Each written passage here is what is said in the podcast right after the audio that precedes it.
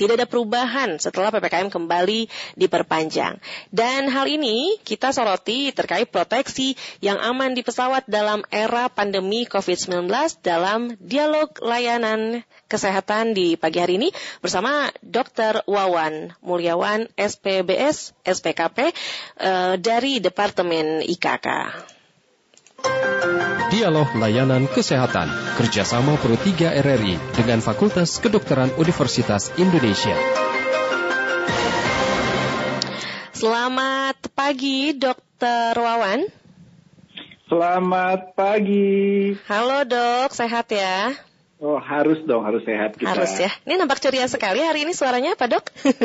uh, harus ceria dong, karena kan kita hadapi pasien-pasien itu mm -hmm bermasalah pasti mereka. Jadi kalau kita eh, nggak uh, ceria nanti pasiennya tambah sedih. Hmm, oke, okay, baik. Dokter, ini kan memang masih di masa pandemi COVID-19. Banyak sekali aturan-aturan yang diberlakukan, banyak sekali proteksi diri yang dilakukan oleh masyarakat, uh, khususnya untuk pribadi begitu ya dokter ya. Ini menyoroti proteksi yang aman di pesawat dalam era pandemi ini. Apa sih dok yang jadi concern utama kita untuk memproteksi diri dalam perjalanan via pesawat, dokter? Iya.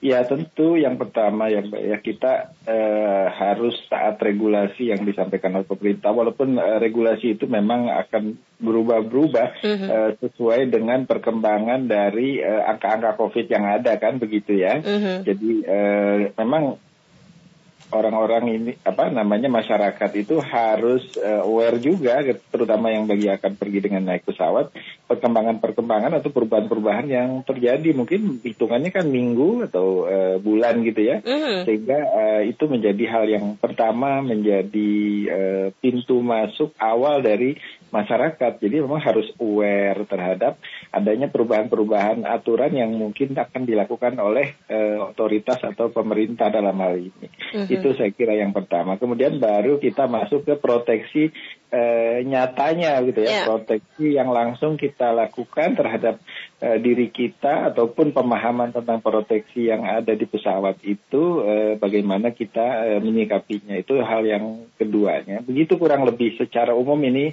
Eh, konsepnya dulu gitu ya. Mm-hmm. Mm-hmm. Uh, Oke. Okay. Baik, apakah dalam kacamata medis begitu dokter ya proteksi hmm. yang memang selama ini dilakukan oleh masyarakat itu bisa uh, berperan maksimal untuk menjaga diri kita dokter? Ya, proteksi yang dilakukan kan kalau secara umum apakah menggunakan konsep 3M, mm -hmm. 5M atau yeah. 6M, tapi intinya kan sebetulnya uh, tiga hal ya. Yang mm -hmm. pertama adalah mencegah uh, diri kita sendiri tertular ya kan. Mm-hmm. Yang kedua adalah mencegah uh, orang lain tertular oleh kita gitu yeah. kan. Mm-hmm. Uh, dan yang uh, ketiga tentu adalah bagaimana ini bisa bukan menjadi sesuatu yang uh, menyebar di uh, suatu kelompok masyarakat atau komunitas tertentu. Mm-hmm. Kan jadi tiga hal itu yang mestinya menjadi perhatian. Nah, kalau kita lihat yang pertama, uh, kita mencegah kita tertular ya kan? Mm, yeah. Nah itu kan apakah orang menggunakan uh, masker supaya uh, tidak tertular, orang menggunakan uh, pelindung wajah yang tidak tertular ya kan? Mm, yeah. uh, menjaga jarak gitu ya supaya tidak tertular. Demikian juga supaya tidak menulari orang lain ya kan? Mm. Kita uh, tinggal di rumah memakai masker juga tadi ya itu adalah atau uh, tadi berkerumun dan lain-lain. Nah, itu yang kedua. Yang ketiga adalah uh, perilaku kita untuk mencegah bahwa ini tidak menjadi sesuatu yang uh, menyebar uh, atau uh, meluas dalam suatu kelompok masyarakat tertentu. Nah, uh-huh. ini kan ada kerumunan atau ada kumpulan orang yang akan masuk ke dalam sebuah pesawat kan begitu. Betul, yeah. Nah, Nah ini yang menjadi perhatian utama dari banyak orang. Ini kalau masuk pesawat ini gimana sih gitu ya? Hmm. E, aman nggak sih kita masuk pesawat?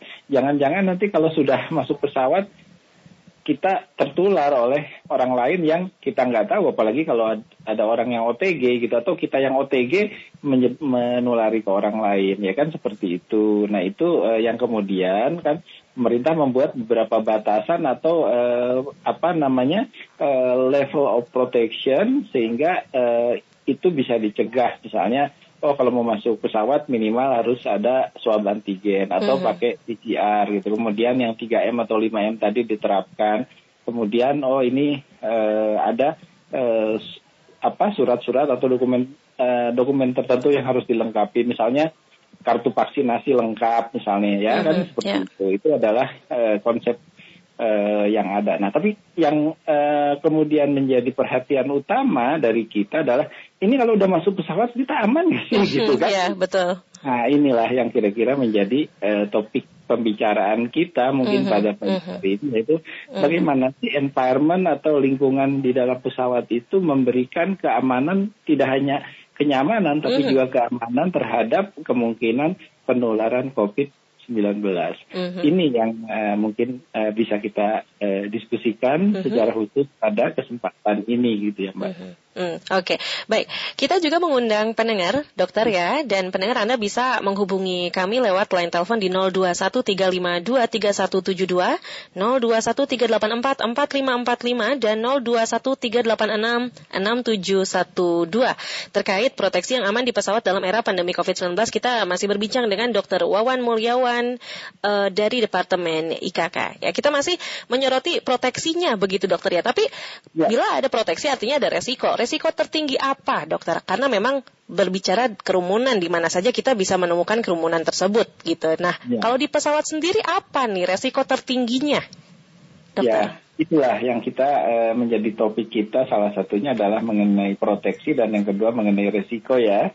Uh, di sini. Mungkin lebih bagus kalau saya mulai mulai dulu dengan proteksinya di luar masalah yang uh, kita hadap apa yang sudah kita lakukan misalnya 3M dan 5M itu ya. Uh -huh. nah, Nah, kalau untuk 3M atau 5M memang di dalam pesawat eh, yang terbaik adalah kita pertama menggunakan masker itu minimal masker medis yeah. ya. Mm-hmm. Nah, eh, bahkan kalau memang kita punya yang masker N95 begitu mm-hmm. akan lebih bagus dibandingkan kita menggunakan masker kain yang eh, mungkin standarisasinya eh, berbeda-beda begitu karena mm-hmm. orang tidak tidak pakai standar ada yang bikin sendiri bahkan yeah. kan gitu. Mm-hmm. Nah, bahkan ada yang menganjurkan kalaupun orang lebih senang pakai masker kain pakailah mm-hmm. masker medis di dalamnya gitu ya. Jadi mm-hmm. dua double layer gitu ya. Okay. Nah, medis kemudian double. Kemudian yang kedua ya eh, sangat dianjurkan eh, setiap orang itu punya face shield karena face shield itu eh, lebih kepada tujuan mencegah tidak tertular kan. Kalau mm. eh, masker itu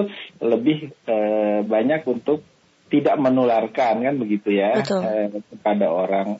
Nah itu uh, dua proteksi yang uh, bisa kita uh, siapkan untuk diri pribadi kita sehingga kita tidak tertular maupun tidak menulari orang hmm. lain. Nah, Baik. setelah kita masuk ke dalam pesawat, ini kan uh, ada tempat duduk, ada jarak ya, hmm. ada uh, interaksi di dalam pesawat. Nah, ini kan e, dicoba dilakukan aturan-aturan oleh pemerintah. Misalnya yeah. ada pembatasan 50 persen atau pembatasan berapa persen. Nah, sebetulnya kalau secara e, konsep kita uh, dari sisi uh, kedokteran penerbangan uh, karena kedokteran penerbangan ini kan adalah satu cabang yang berada di ilmu kedokteran komunitas ya di departemen ilmu kedokteran komunitas FKUI. Uh -huh. Nah itu uh, kita melihat bahwa sebetulnya yang terpenting adalah tadi proteksi diri yang dua hal tadi itu. Uh -huh. Kemudian yang kedua adalah bahwa menjaga jarak itu uh, menjadi hal yang uh, bisa di eh, apa namanya bukan dieliminasi tetapi dikurangi eh, eh, peran utamanya uh -huh. karena kita tahu bahwa industri penerbangan juga membutuhkan jumlah penumpang yang cukup uh -huh. untuk supaya uh -huh. dia tetap hidup ya Baik. kan.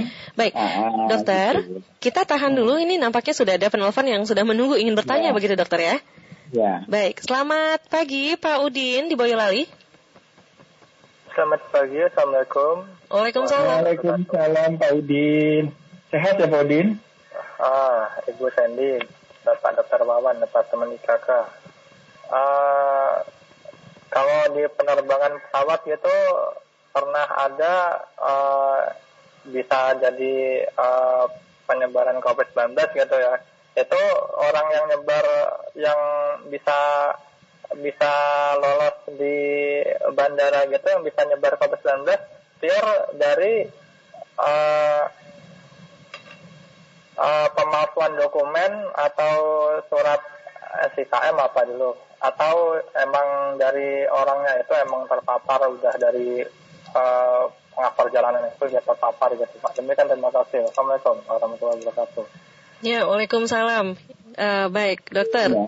Menangkap ya pertanyaan Pak Udin ya? ya? Betul, ya. Oke, silakan. Kalau, kalau, kalau masalah pemalsuan dokumen itu memang hal yang eh, apa namanya secara medis kita eh, mungkin eh, apa namanya eh, bukan eh, ranahnya. kompetensi kita Betul. ranahnya yang kita ini berarti ini ada hal yang sifatnya nanti bahkan akan sampai di wilayah pidana begitu ya. Uh-huh. Nah, karena apa? Karena uh, sebetulnya kalau dari sisi uh, medis, kalau uh, dokumen itu uh, ada dan dianggap valid, maka sebetulnya kan eh, ada masalah juga di situ bahwa kapan orang ini dilakukan pemeriksaan antigen atau misalnya PCR. Mm. Antara pemeriksaan itu dengan orang itu masuk pesawat kan ada jeda waktu ya.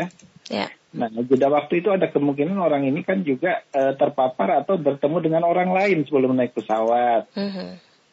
jadi tidak tidak 100% juga bahwa setelah orang diperiksa swab antigen atau PCR di suatu tempat, lalu kemudian orang kemudian orang ini tidak e, punya peluang untuk membawa virus di dalam tubuhnya karena kan setelah diperiksa PCR dia kemungkinan masih ketemu orang lain, ketemu siapa dan lain-lain sebelum dia naik pesawat kan. Uh-huh. Uh-huh. Nah, jadi itu juga. Nah itu dari sisi medis masih ada peluang itu. Kalau dari sisi tadi soal pemalsuan memang uh, saya tidak memberikan komentar karena itu adalah uh, hal-hal yang mungkin menjadi lebih uh, apa eh, domain dari uh-huh. eh, otoritas ya bagaimana menegakkan aturan supaya uh-huh. pemalsuan bisa diminimalisir ya kan uh gitu ya. Yeah, Oke. Okay. Iya. Jadi kita memang Jadi melihat dari sisi medisnya begitu medisnya aja ya. itu peluang itu ya? ada. Peluang uh-huh. peluang untuk orang itu kemudian eh, membawa virus itu setelah turun dari pesawat ketemu orang lalu dia uh-huh. menulari orang.